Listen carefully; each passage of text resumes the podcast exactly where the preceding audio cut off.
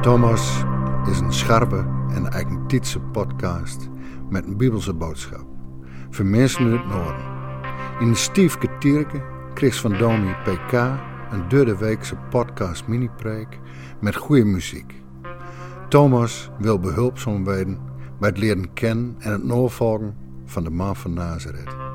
In een tijd dat door Horst tegen droods verwedden moest.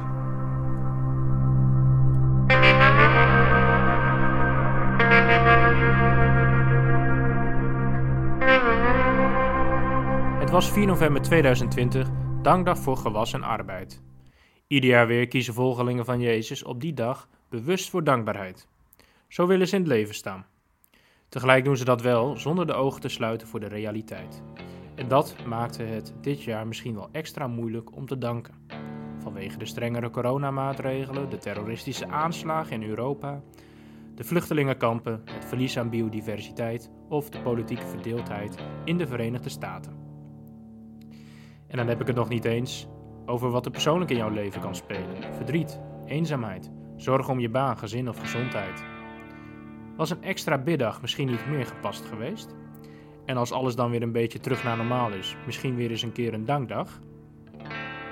In deze podcast ga ik je vertellen hoe je los van goede of slechte omstandigheden altijd blij, dankbaar en zonder zorgen kan zijn.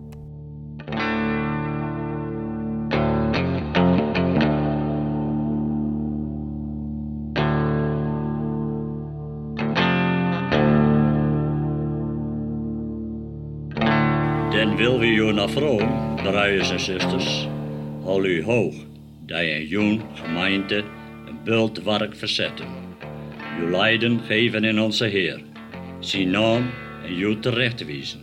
Om het werk dat zij doen, moet u hulp meer als gewoon liefde geven. Leef met een kander in vrede. Wie dringen er bij jou op aan, zet heur op steed. Die sok niet aan regels keren. Spreek heur dij en put, zitten mout in. Help zwakken een handje, help geduld met elke een. Denk erom dat geen een kwaad met kwaad vergeldt. Maar wees er altijd op uit, je te doen voor een ander. Ja, voor alle mensen. Wees altijd blij. Bid zonder opholden. Dank onder alle omstandigheden. Dat vraagt God voor jou in Christus Jezus. Mocht de geest zijn vuur niet uit. Als profeten wat zeggen, heb dat terdege en reken.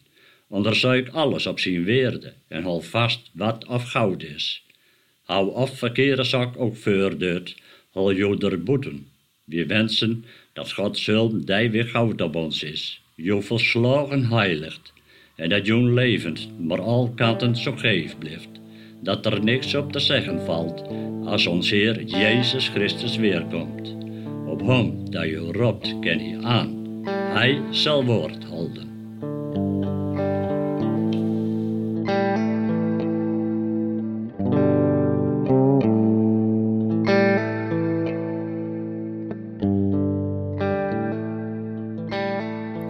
Wees altijd blij.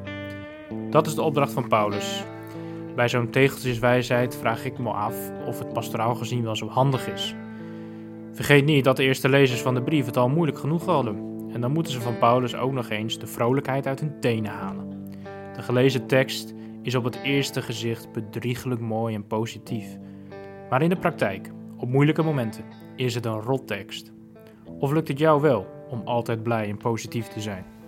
Nou, dat is dus wel de bedoeling, want het is echt een opdracht van Paulus. Wees altijd verheugd. Als ik naar mezelf en om mij heen kijk, lijkt het erop dat demonstreren en met grote ontevreden woorden voor je rechten opkomen ons wat makkelijker afgaat. Dat bedoel ik niet meteen veroordelend. Het is begrijpelijk, maar het laat de radicale boodschap van deze tekst wel goed uitkomen. Wees altijd verheugd. Stiekem mag ik die Paulus wel. Geen engelen, rustgevende Boeddha-beelden, meditatiecursus of geurkazen, maar een radicale oproep om tegen de tijdgeest in en met de nodige durf en eigenzinnigheid te gaan voor blijdschap.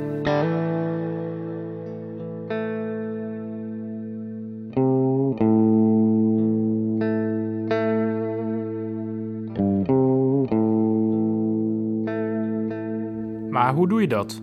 Altijd blij zijn. Het betekent niet dat je nooit verdrietig mag zijn of dat je andere pijnlijke gevoelens moet wegdrukken. Dan is blijdschap niet echt, maar gemaakt en krampachtig. Volgens mij begint altijd verheugd zijn, blij zijn, met het besef dat het geloof je de mogelijkheid biedt om te kiezen voor vreugde.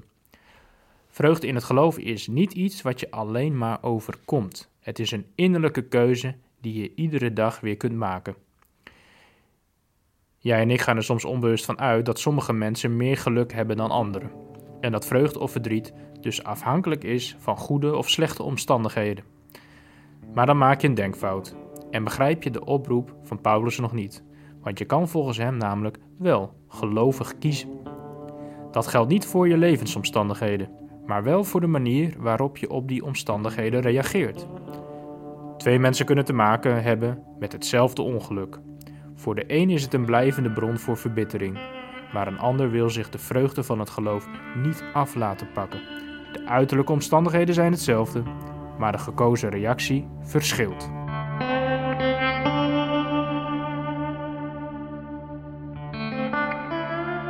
Maar Paulus is nog niet klaar. Hij weet echt van geen ophouden.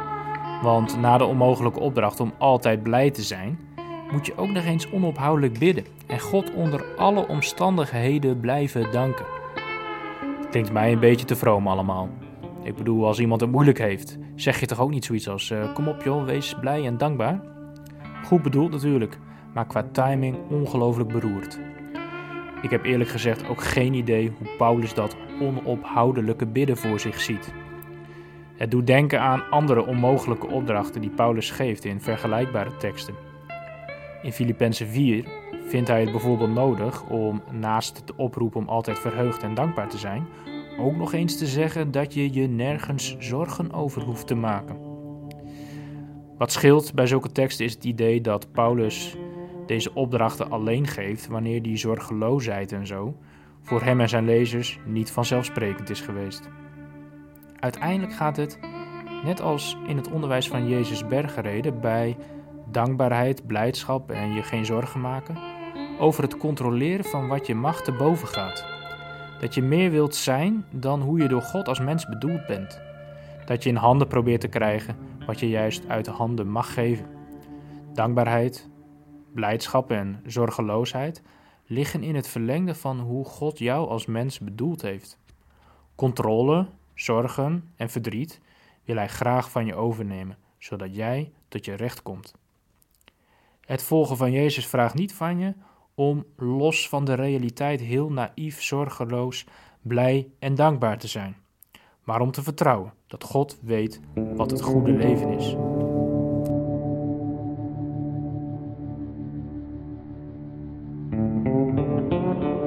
En toch blijft die vraag staan: hoe doe je dat? Ik kan echt genoeg situaties bedenken waarin het mij niet zou lukken om blij, dankbaar en zonder zorgen te zijn. Voordat jij het ook opgeeft, zou je nog even kunnen luisteren naar dat ene zinnetje. Wees altijd verheugd, want dat is wat God van u, die één bent met Christus Jezus, verlangt. Daar zie je iets oplichten van het geheim, van altijd dit of dat zijn. Jouw verbondenheid en relatie met Christus Jezus. Dat is zoiets als de prachtige bloeiende boom die je wel eens tegenkomt in de psalmen die bloeit niet omdat die het zelf zo goed voor elkaar heeft, of omdat de omstandigheden zo meezitten, maar omdat die boom zijn wortels diep heeft laten groeien tot daar waar levend water stroomt. Op die manier is de boom voor blijdschap, dankbaarheid en zorgeloosheid niet afhankelijk van de omstandigheden, van goed of slecht weer, van goede of slechte tijden. Die boom blijft altijd vol vreugde bloeien ook als het lang niet regent of de zon voor lang achter de wolken verdwijnt. Jouw relatie met Jezus Christus kan daarop gaan lijken. Met je wortels zoeken naar levend water, Jezus Christus zelf, om zo vreugde, dankbaarheid en zorgeloosheid te vinden, los van omstandigheden. Als ik dit bedenk en op me in laat werken, is blij, dankbaar en zonder zorgen zijn misschien ook wel meer iets wat je krijgt dan waar je zelf voor kiest. Of misschien is het een combinatie.